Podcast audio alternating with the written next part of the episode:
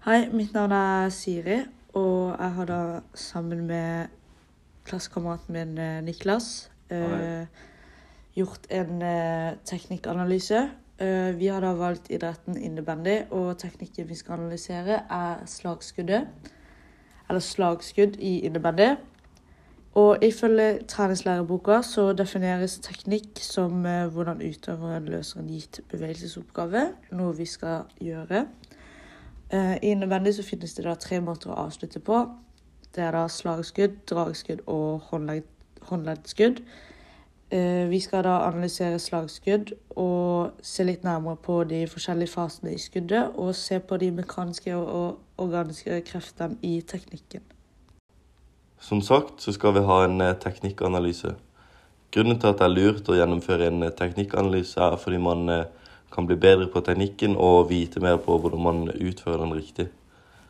Eh, Ved å analysere en teknikk kan man også se selv hvordan man utfører den, og vite hvilke mekaniske og organiske krefter som blir brukt. Eh, Det kan også være med på å hjelpe på treningen og finne ut hvilke treningsmetoder man bør fokusere på for å bli bedre i teknikken.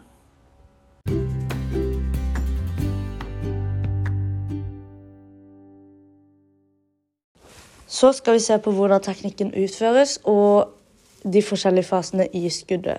Vi har da delt inn teknikken eller skuddet inn i tre faser.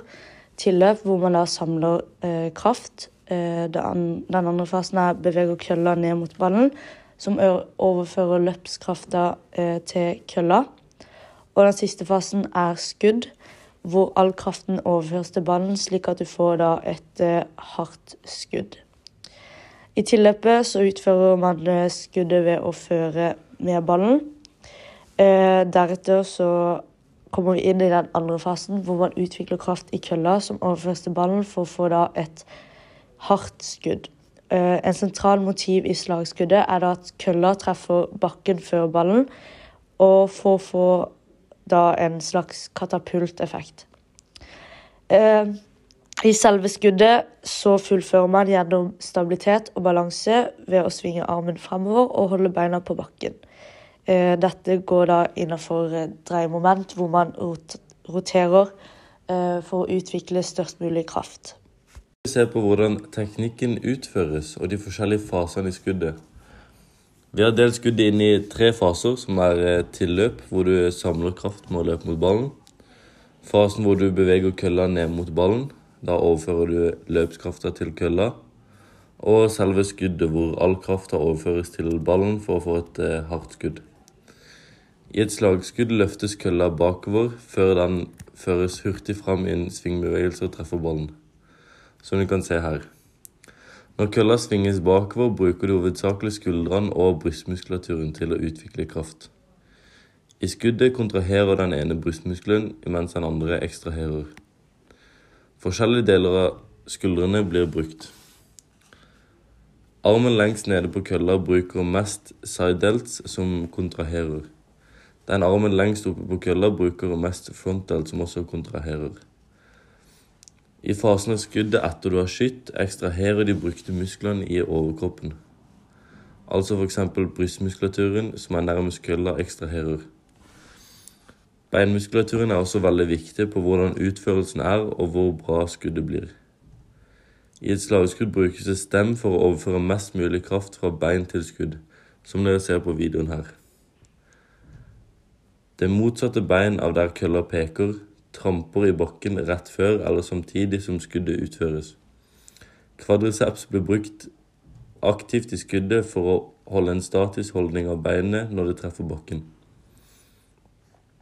Man kan også si at kvadriceps bremser for å ikke kontrahere. Da hadde du mest sannsynlig falt i bakken og ikke klart å skyte. Muskler som calves, hamstrings, er også med på å holde deg stabil. Og så har vi eh, ulike bevegelsesprinsipper eh, som virker inn i teknikken, og da har vi stem. Man bruker stem når man overfører horisontalt bevegelse til mer vertikal bevegelse, og det gjør man når foten går ned i bakken idet du skal til å slå kølla i ballen. Og så har vi sammensatt bevegelse, hvor eh, flere muskler blir brukt samtidig for å utføre bevegelsen. Og da bruker vi eh, musklene skuldre, biceps, forearms, bein, mage og bryst. Eh, og i sentralbevegelse så er det de store muskelgruppene, som f.eks. beinmuskulaturen, kjernemuskulaturen og hoftemuskulaturen, som eh, aktiveres for å utvikle da størst mulig kraft. Og til slutt har vi stabilitet og balanse, og eh, det kan vi ikke utføre f.eks. bare med ett bein, for det vil da bli veldig vanskelig, og da bruker du da eh, begge beina til å holde stabil og holde balansen.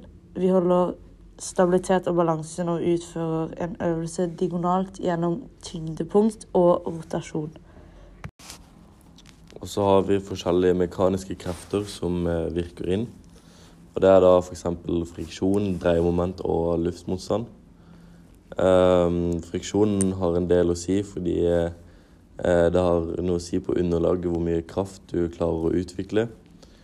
Uh, om underlaget er glatt med lite friksjon, så er det mye vanskeligere å skape stor kraft.